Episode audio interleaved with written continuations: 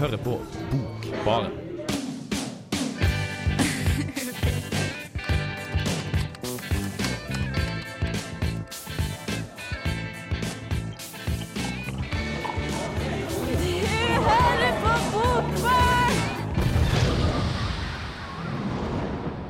Hallais, og velkommen til Bokbaren. Det er tirsdag igjen, og nå er vi tilbake med bøker her i Radio Revolt.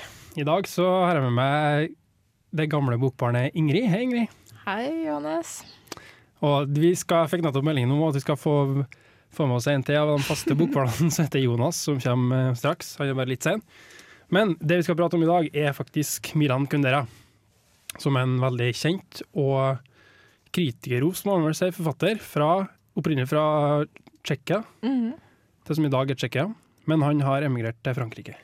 Ja, for han, bøkene hans ble vel svartelistet fordi han gjorde litt sånn eh, opprør mot, eller, mot sovjetregimet og mente at det drev med integritetskrenkelse. Så da måtte han rømme til Frankrike og bli statsborger der, da, for å fortsette å skrive. Mm. Han har kanskje tydeligvis blitt glad i Frankrike, tror jeg, for jeg har lest at han mener at litteraturen hans bør betraktes som fransk litteratur. har Jeg lest at han sier. Så Ja, det er jo mye sånn filosofi inni det, så kanskje Ja. det er litt sånn franskt. ja, kanskje han Mm. har litt sånn eh, impulser fra det franske filosofien og litteraturen, ja. Mm. Så det blir spennende å høre. Vi tar og kjører på med låt først, og da skal vi høre Young Girls av Death by Unga Bunga. Yes, det var Death by Unga Bunga med Young Girls. Vi prater om Milan Kundera i Bokbaren i dag, og vi drev og um, spekulerte litt i stad på um, hvor gammel han er, for han lever jo ennå. Han er jo begynner å bli en uh, ganske eldre mann, men han er født i 1929. Ja, så han er vel eh, 86 år, da, hvis han ikke har blitt 87. Ja, 86-87. Men han har jo ikke Vi drev og lurte på Eller sånn Det er en stund siden han gikk ut noen uh, bøker nå, ikke det? sånn, Ja, jeg tror det er litt mer sånn essays i Ja. senere tid, og de selv de er vel også på begynnelsen av 2000-tallet, tror jeg. Mm. For du har vel hatt noe av han i, i, ditt, eh, i din litteratur, et av dine litteraturfag? Ja, for Milan Kundera er jo ikke bare en forfatter, han er jo en ja, ganske så kjent litteraturteoretiker òg. Jeg tror han er litt sånn på det feltet at han er han er en mann regner med, liksom, som har uh, Som har noe å komme med det. Så jo, jeg har det, og den, der prater han om Jeg tror den teksten som, på, som jeg har lest, eh, er fra ei bok som heter Romankunsten, på norsk, er den oversatt til. Ja. Og den teksten handler om um, om eh, Don Eller den heter vel Den baktalte arven fra Don Quijote, tror jeg. Er noe den eh, stil, eller fra, kanskje Den baktalte arven fra Cervantes. Mm. Og det handler da om hvordan man kan ta eh, inspirasjon fra store, gamle klassikere, som f.eks. Cervantes Don Quijote, da, som eh, Milan Kundera er veldig opptatt av. Det her med Jeg tror det som er spesielt i Don Quijote, som han er ute etter, da, er den blandinga mellom eh, virkelighet og litteratur.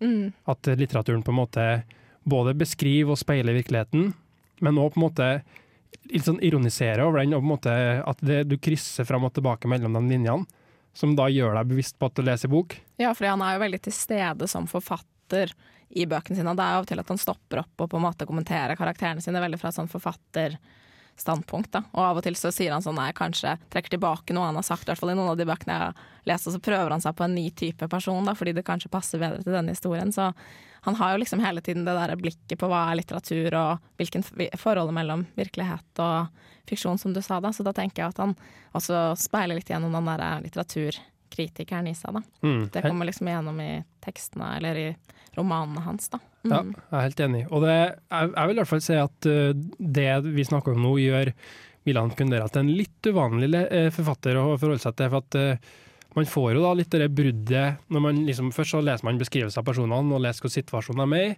og da begynner man med en gang å tenke på det at liksom uh, OK, her er settinga, her er plottet, her er personene. Og begynner å tenke på, som, tenk på dem som ekte personer, på en måte. Snakket, jeg tror vi snakka litt om det i Bokbarn i forrige sending òg, faktisk. Um, men, men så kommer han da med det som du nevnte, at han, han eh, kommer OK, nå må jeg kommentere noe som forfatter, liksom, og begynner å snakke om i min roman er det sånn og sånn, og de folkene her eksisterer faktisk ikke.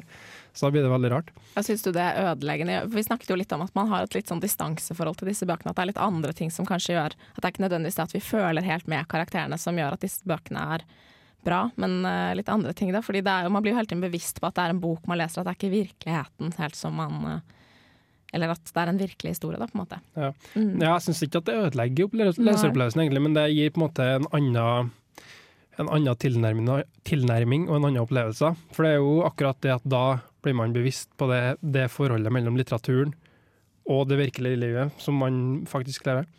Eh, Men det finnes jo eh, veldig mange forfattere som driver med det her òg. Det er ikke sånn at Milan kunne være alene. For eksempel Nei. Dag Solstad og litt sånn òg. Omtaler eh, romankarakterene sine tydelig fra en posisjon der på en måte eh, det er tydelig at det er en ekstern forteller, da, som da er Dag Solstad. Og ja, han har til og med også nevnt, eh, nevnt seg sjøl som forfatter i noen av bøkene sine, Dag Solstad. Så det er flere som gjør det. Men eh, nei, jeg tenker at det blir på en måte litt av det som Milan kunne være opptatt av, da, at man skal utforske litteraturen. Og prøve å finne uopp... Han tror han kaller det noe sånt som uh, uoppdaga områder eller sånn, av menneskelivet. Mm, hele tiden på, ja. pushe det videre, liksom, og forestille seg Det blir jo litt sånn hele tiden forestille seg alle mulige situasjoner som du kan være da. Vi snakka litt om før sending at vi syns ikke at karakterene stivner helt. De prøver hele tiden nye ting og, og ja, blir kjent med nye personer. Og, ja, det er liksom ikke noe sånn stillestående at man er veldig låst i én type tankegang, kanskje. Mm. Enig. Jeg føler, føler virkelig at de karakterene i det, han, det er i hvert fall den boka her da, er sånn at de eh, stadig er på vettet nytt og stadig søker noe, stadig søker noe nytt. Vi skal ta ei lita låt igjen. Da kjører vi på med San Diego av Heinz.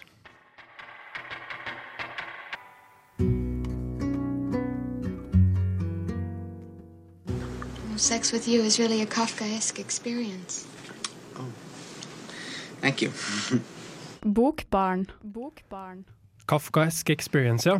Syns du, Ingrid, at det er noe Eller jeg vet ikke om du har lest noe Kafka, men jeg, jeg har lest eh, litt Kafka. og Jeg syns av og til at det finnes noe kafkaesk i denne tilværelsens utholdelighet, kanskje?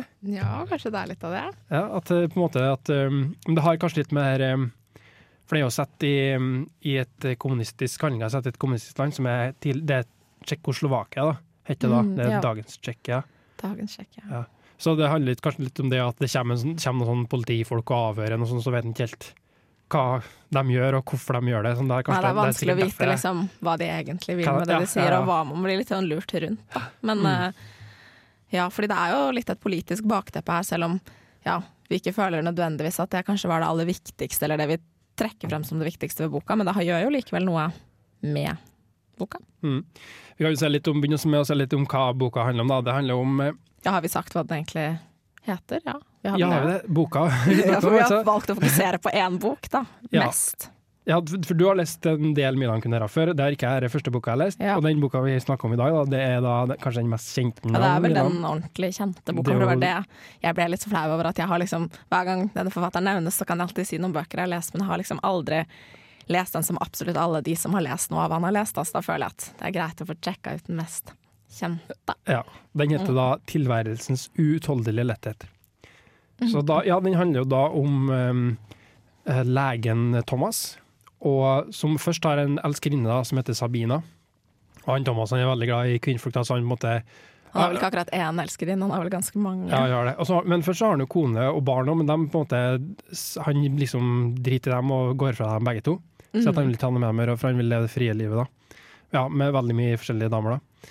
Og så møter han eh, Teresa, som er ei ung jente som er veldig sånn eh, hva skal, skal man beskrive henne? I hvert fall så vil hun bare være trofast til han. da. Mm. Hun er på en måte litt sånn eh, Kanskje litt eh, Ja, forfatteren kaller det anakronistisk. Altså litt sånn tids... eh, Stemmer ikke helt overens med tida. At det er litt sånn gammeldags på det viset. Ja, kanskje det, fordi eh, Men er det Han snakker mye om at han liksom kan godt ha sex med mange forskjellige, men han kan ikke overnatte med dem, da. Men eh, da Therese og han liksom blir i hvert fall en greie, så er det vel sånn at hun blir syk når hun besøker han, og da må hun jo også sove med han, så jeg vet ikke om han blir tvunget litt inn i det, samtidig som det er jo noe spesielt med henne kanskje for han, men likevel så er det dette med at hun må overnatte i leiligheten hans, og hun kan liksom ikke Han syns jo synd på henne når hun er syk, da. Mm. Der er vi bare på det som er på en måte mm, eh, litt av drivet i handlinga. At han snakker, forfatteren snakker veldig mye om eh, tilfeldighetene som fører fram til hendelser i livet. Og da er jo det, første, det du nevnte nå, er det første. Mm. At det, det første gangen hun kommer så, Første gangen at Teresa kommer til Thomas, så blir hun syk og må ligge over til han. Mm. For han vil ikke ha dem med damene etter at han har ligget med dem. Han- Da vil han bare ha dem med hjem til seg. Altså, de Ja. skal vekk fra han. Men hun Så- finner jo ganske fort ut at han er eh, utro. Hun er jo veldig sjalu på alle de andre kvinnene, men hun holder seg jo De holder jo likevel sammen, sammen da. Mm. De Er det et et sunt forhold, vil du si det? Du hva, Det lurer jeg på, at det er så sjukt rart forhold, og det er jo ikke i det hele tatt eh, så særlig sunt. Nei. Det virker jo veldig skjevt og usunt, for hun som sagt er veldig sånn trufast og vil veldig gjerne Eller de sier jo begge to at de elsker hverandre, da, men at eh, Ja, men samtidig så har du de gnisningene deres som ikke funker med at han er utro hele tida. Ja, for det er vel en det. Det er jo en episode Det er jo flere menn som prøver seg litt på henne, og så er det en episode hvor hun faktisk er utro, men hun blir jo skikkelig sånn ille berørt av det og klarer bare ja, Hun går jo tilbake til han, da. Så um, Ja, for hun, ja, for hun blir jo da veldig opprørt av det. Og da sier vi velkommen til Jonas òg i studio. ja, Hei, Jonas. Bedre sent enn aldri. god kveld, alle sammen. Det er ikke så sent. Det er bare sånn ti minutter. Ja. Nei, vi snakker om uh, Milan Kundera sin uh, bok Nei, sin uh, tilværelsens og utholdelig letthet, letthet. Vi nå driver og snakker om um, handlinga. da. Og litt forholdet mellom Thomas og Teresa, om du syns det er et sunt forhold? Altså, jeg, jeg syns ikke det er et sunt forhold. Det er litt sånn eh, Det er litt destruktivt i og med at han driver og knuller alle sammen, mens hun er sånn Du er den eneste jeg har lyst på. Men det funker jo! Det er det som er hele greia. Altså, Det funker jo på en eller annen helt forferdelig rar måte. Og jeg tror egentlig for de folkene så er det et jævlig bra forhold. Jeg tror begge to syns at det er et veldig veldig bra sånn kjærlighetsforhold. Jeg ville heller hatt det en sånn mange andre typer forhold. Kjedelig, eksempel. Jeg ville heller hatt et sånt litt mer turbulent forhold enn et veldig kjedelig forhold. Mm. Men jeg tenker det er akkurat det at det er det veldig rare med det, da, som du nevner. Det er jo det forfatteren går inn og utforsker. da. Um, og i, i det så er det veldig mye, veldig mye filosofiske greier. Uh, det skal vi snakke litt mer om, men uh, før det så hører vi Worries med Mats Wawa. Hei, det er Pedro Carmona Alvarez. Du hører på Bokbaren på Radio Revolt. Yes, Bokbaren i Radio Revolt. Vi driver og prater om uh, tilværelsens uutholdelige letthet av Midan Kundera. Og nå, nå er vi så heldige at vi er tre i studio, ikke bare meg og Ingrid, men til og med vår faste superbokbarn Jonas. Um, som sagt, før den forrige låta så er det mye sånn filosofisk grubling i den eh, boka her. Altså Han begynner jo hele boka med å drøfte en idé av ni, som Nietzsche presenterer, som er den evige gjenkomst. Den, det som kalles. Du er, Faktisk en jævlig fascinerende filosofisk idé. du er jo veldig glad i Nietzsche. Ja, jeg digger Nietzsche. Han, eh, han lanserte den i eh, den positive, den glade vitenskapen, sånn, The Gay Science-boken. Sier Hvis det kommer en demon til deg en dag og sier at hver handling du gjør, kommer til å bli omgjort i det uendelige ville de fleste de vil klikke de bare sånn Oi, faen, det er altfor mye ansvar. ikke sant? Altfor mye tyngde i det. Aha, ser dere, ser dere sammenheng? Det er altfor mye tyngde i å tenke at hver av din handling skal på en måte være en gjenganger gjennom hele historien gjennom uendeligheten. Så da har du det motsatte letthet, at vi lever bare én gang. Og at uh, handlingen vår ikke betyr jack shit, og da kan du egentlig gjøre hva du vil uten å tenke over det. Mm, det er jo da den uutholdelige lettheten som kunne ha snakka om. Og I den boka så ta, setter han opp en del sånne motsetningspar òg. Tyngde og letthet og liksom eh, Kroppen og sjelen, kroppen eller hva det er som heter. Ja. da. Eh, så han på en måte bruker, tar utgangspunkt i litt sånn filosofiske ting. Da, og det du snakka om med Nietzsche og den evige gjenkomst, det er på en måte han utforsker eksistensens betingelser. Hvordan, og fantaserer liksom, hvordan hadde det vært hvis det hadde vært sånn at alt vi gjør, kommer til å skje om igjen? Eller, og hvordan, er det hvis det er eventuelt da, hvis det er sånn at det kun skjer én gang, og hva er verst, liksom? Eller hva er best, eller hva tenker dere? Jeg tenker eh, jeg, tenker, jeg skjønner på en måte det filosofiske grunnlaget. For én en ting jeg liker jævlig godt den boken, det sier at uh, vi har på en måte ett liv, og det livet det er et forsøk. Og du kan ikke, du kan ikke rette noe opp. Du kan ikke på slutten av livet bare tenke 'Å, faen, jeg gjorde alt feil'. Shit, au. So what? Men sånn, eh, det er på en måte den for, forholdet mellom Vil du ha et lett liv og bare sånn ikke tenke så mye over det du gjør, tenke at det ikke har noen konsekvenser. Litt sånn som Gud, ikke sant. Vi har, vi har sluttet å tro på himmel. Så vi bare, vi bare gjør hva vi vil. Eller vil du på en måte tenke over, vil du være bevisst over alle handlingene dine? Er det egentlig noe du har lyst til at hver av dine handlinger skal være bevisst? At hver handling skal være et bevisst valg, og sier du at jeg tar dette valget, det kommer til å ha måte, store konsekvenser uansett. Jeg ville heller hatt lettet enn tyngre. Jeg er enig med en av de filosofene han har i begynnelsen, som sier at lettet er det bra, på en måte. Parmenides, eller hva? Ja, en eller annen greker. Ja. Men også er det veldig mye i denne boka her, jeg har inntrykk av Men det, jo, det kan jo diskuteres med at de personene her er litt sånn Det er ikke religion altså i den forstand at det har noe med Gud å gjøre, som du nevnte, men de er jo veldig opptatt av tru og liksom Jeg har litt på følelsen av at det er nesten litt sånn overnaturlig. Vi har det med tilfeldighetene, da, som jeg snakka om, eh, som sagt i stad. At eh, livet består av Så hvis du møter en person da, som du f.eks. blir sammen med og kanskje får unger med og gifter deg med, sånn, så er det en rekke tilfeldigheter som har ført fram til det. Og så tillegger vi de tilfeldighetene eh, tyngde, da, eller betydning. da, Og ser at her, er- liksom, her er noe som måtte skje. Men så stiller han spørsmål ved det, liksom, hvorfor er det sånn. Og, og veldig mye av de personene i boka gjør, tenker jeg at de på en måte tillegger betydning. da, til, Så det handler litt om, eh, om hva man tror på, liksom. Det er jo noe annet sånn Kanskje ikke filosofisk, men det er jo Er det Beethoven eller Bachandrein? Esmosein. drar inn? Es Beethoven. muss sein. Es muss sein, altså. Det må skje. Mm. Eh, Han er Thomas, han er jo ikke så glad i å ta sine egne valg. Så med en gang han møter Therese, så forelsker han seg i henne. Men han, han gidder ikke å ringe henne, eller gå ut på en second date eller noe sånt. Jeg kan vente til hun kommer til han. Det at han, lar, han er på en måte den som lar tilfeldigheten gå sin gang uten å tenke så mye over det. Ting bare skjer. Ja, Mens for Therese er det sånn Alle disse tilfeldighetene er veldig, veldig viktig. De har veldig, veldig mye mening, de tilfeldighetene som førte til at hun møtte Thomas. ja. ja, det er kanskje hun som legger aller mest eh, vekt på det. Definitivt. Mm. Men uh, det som er litt skøy i den boka, da, på en måte, syns jeg, som uh, Den går litt uh, tregt, som vi har snakka om, men det, som, det er veldig mye sånn erotikk og erotisk beskrivelse av erotikk og, og sex og sånn. da. Så det, hva syns du om det? Er det noe du liker, Johannes? det er faktisk eh, Det fungerer egentlig ganske greit. Ja, det gjør det. Jeg har aldri vært veldig glad i sexy bøker, for det er mer sånn Enten så gjør du det, eller så ser du det. Men du kan ikke lese om det, for det er ikke samme greien. Men nok en gang så legger han masse symbolikk inn i sexen også. Ja, så stopper de liksom litt opp og sier ganske mange sånne Har litt morsomme kommentarer til det som skjer, og jeg syns, eh, jeg syns det funker, jeg. ja, nok så vi er enige der, altså. Mm. Ja, men det er akkurat det jeg også syns, da. Som du sa, Jonas, at det er jo Det handler ikke på en måte om bare sexen for sexens skyld, men det er på en måte hva legger de i det, hvilken betydning får det for dem, da? Som, Ja. Både som par og for hver enkelt som individ, liksom. Og hvordan, ja, hvordan utvikling er det for dem personlig? Det er jo den eh, eneste jeg husker virkelig godt. Det er noen der eh, Shit, veit hun Therese ligger med han ingeniøren Ja, bare for å kutte seg med all kjærlighet. Hun vil bare ha noe kroppslig. mm. Altså bare nøyer hun seg bare faen etterpå. Mm. Altså, shit, han er det hemmelige politiet, han er ute etter meg, han skal, han skal blotte utroskap med hele verden og sånne ting. Altså. Det er litt, jeg lo litt faktisk av akkurat det der, for det er litt absurd. Ja. Det virker, jeg tenker jo det som du sa, det virker som de, mye av det de gjør, blant annet sexen, men en del andre ting, og på en måte gjør dem for å De, de tar, gjør fysiske handlinger da, for å på en måte manifestere noe fra det indre. Da. At de, de har sitt mentale liv, og det de tenker og det de føler, og så bare handler de for å Jeg vet ikke, kanskje for å Ja, få det fysisk, eller for å få det til å bli noe i seg sjøl som man kan forholde seg til, da, virker det som for meg. Vi snakker mer om eh, tilværelsens uutholdelige letthet eh, etterpå, men nå hører vi 'Flesh Without Blood' av Grimes. Jeg heter Erlend Nøttet, og du hører på Studentradioen i Trondheim. Kan man eh, drite framfor sin partner, sin elskede? Diskuterte vi nå. Og det diskuterer jo eh, Milan Kundra i boka. Veldig, veldig utdypende også. Mm.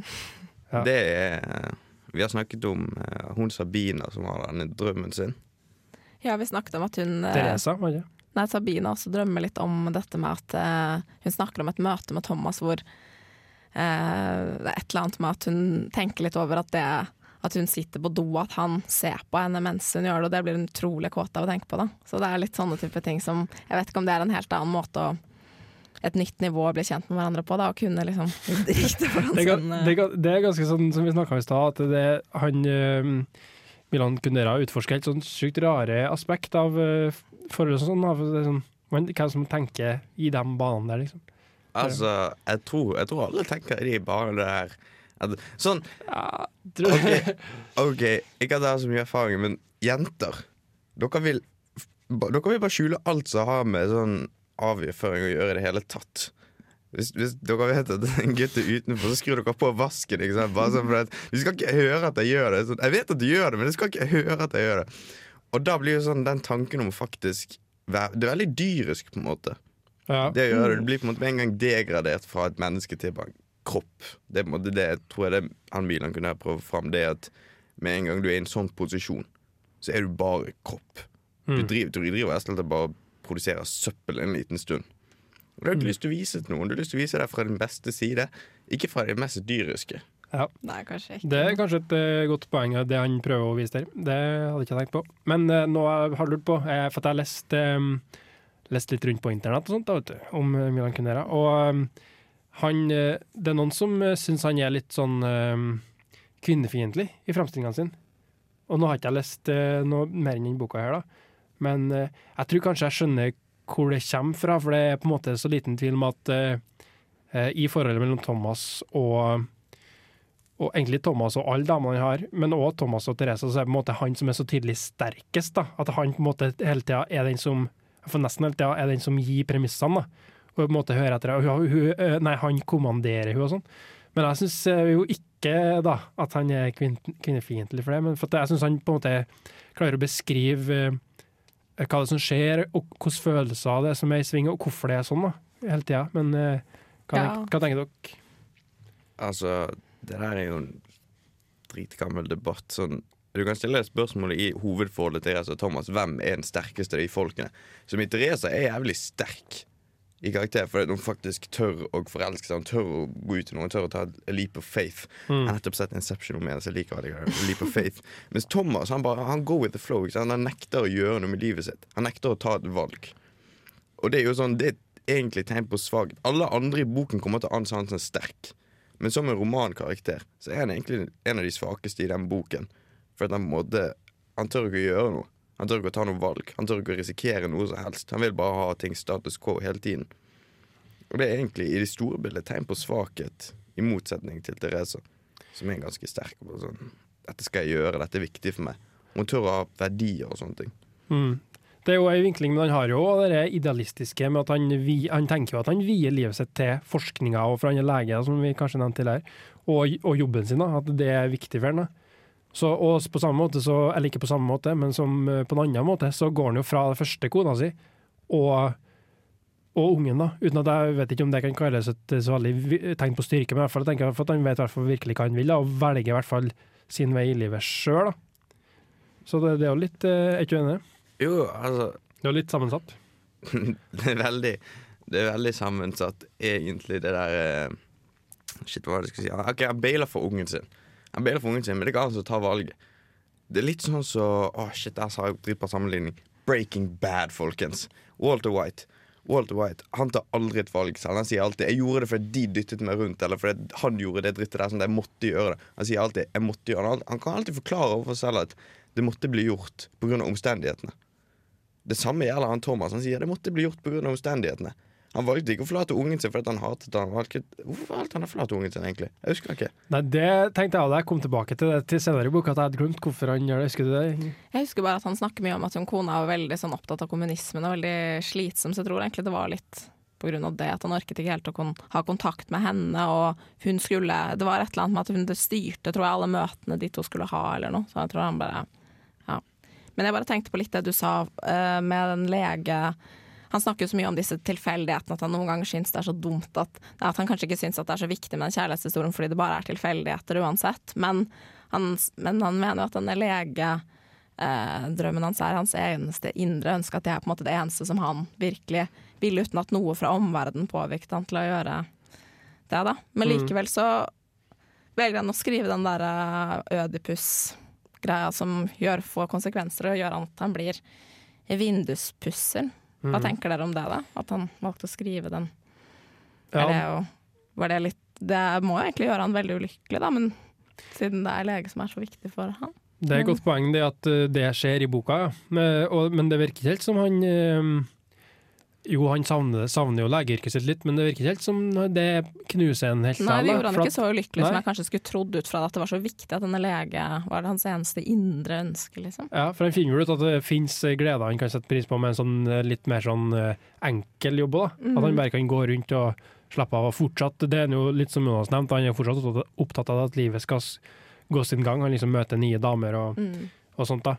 Så, men, men eh, ja, det Han kommer jo i kontakt med dem gjennom eh, ja, mm.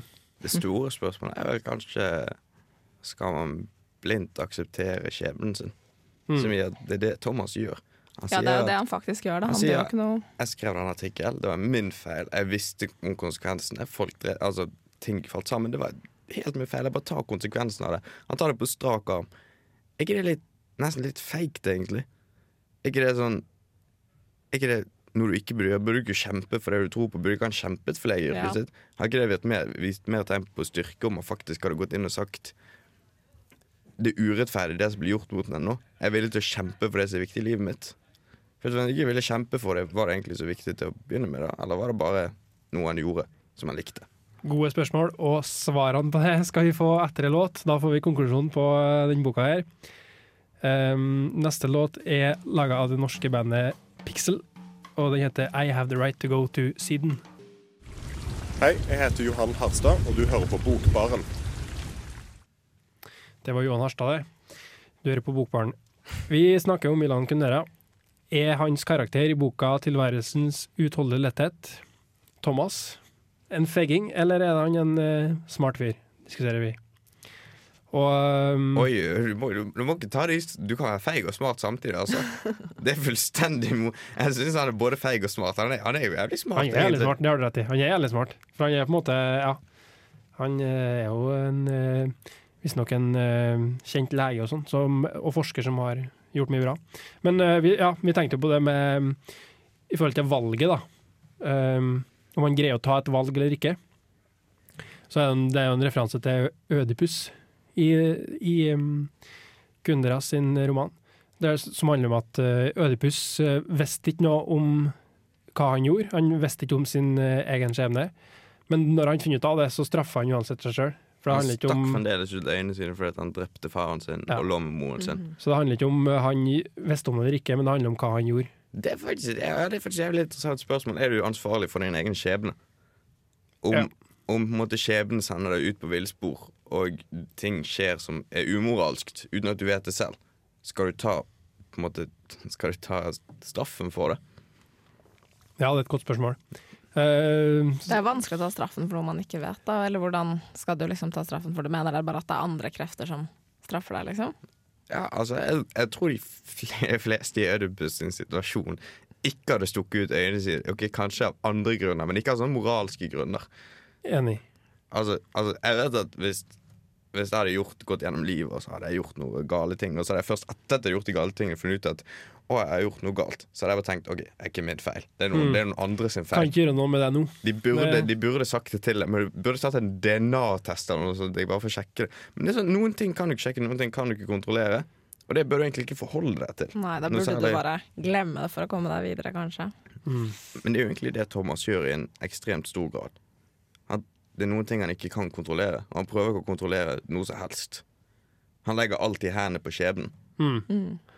Jeg syns egentlig han Thomas virker ganske sånn eh, Ja, litt sånn eh, easy going, at, eh, som vi snakka litt tidligere om. At han eh, på en måte tar dem ta, tar av de betingelsene han har, og så bare ser han hva, ok, hva må jeg gjøre her. Ok, da gjør jeg bare sånn.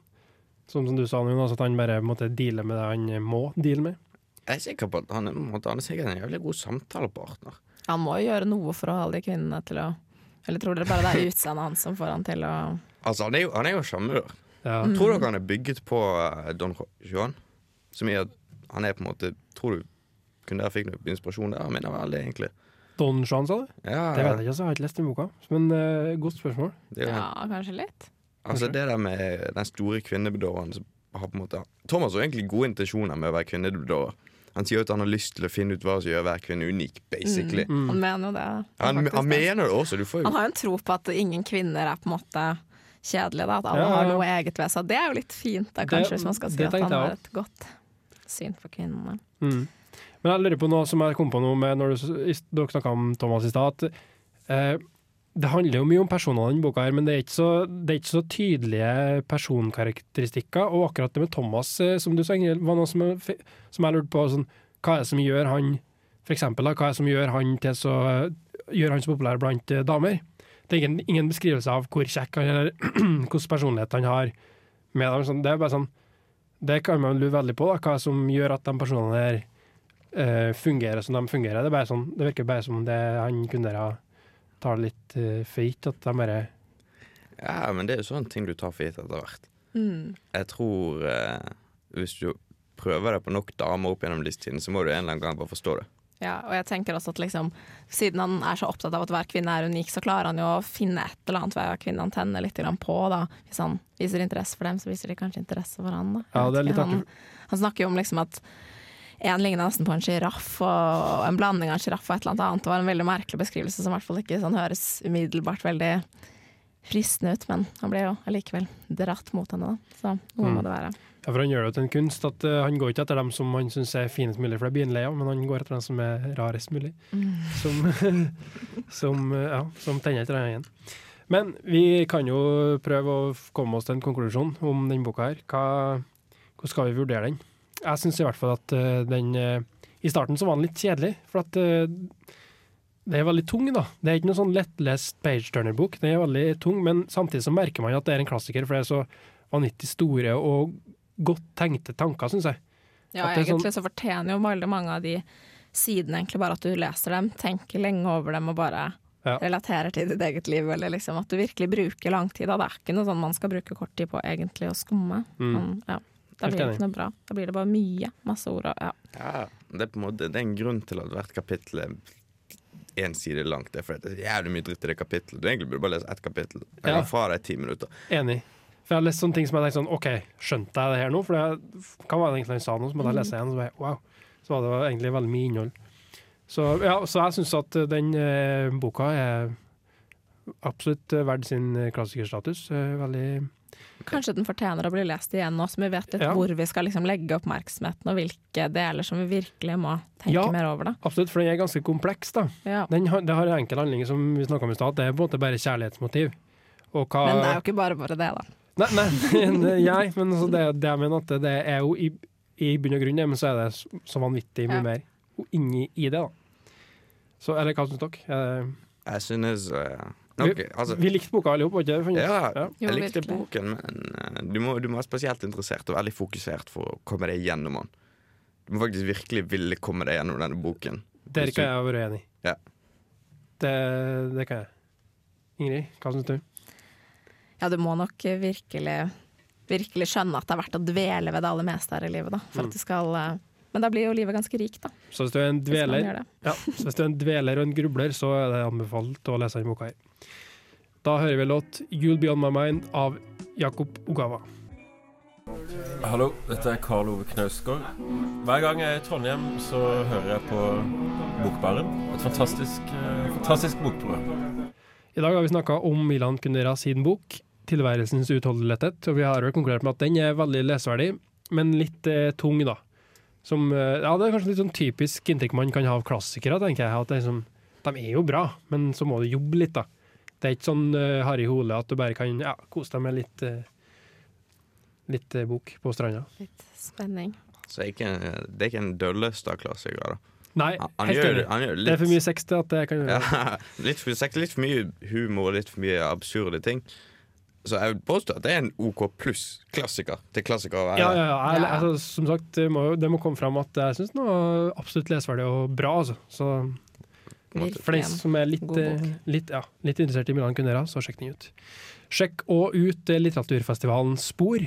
Som, den er vel i gang nå, tror jeg. Ja. Den festivalen den eh, begynte i vekka her, og har mange kule arrangement utover helga. Så da sier vi takk for i dag. Etter oss kommer på tirsdag, ikke sånn? Jo. Ja. Hør på det, og kos dere. Takk til tekniker Fredrik. Ha det bra. Ha det.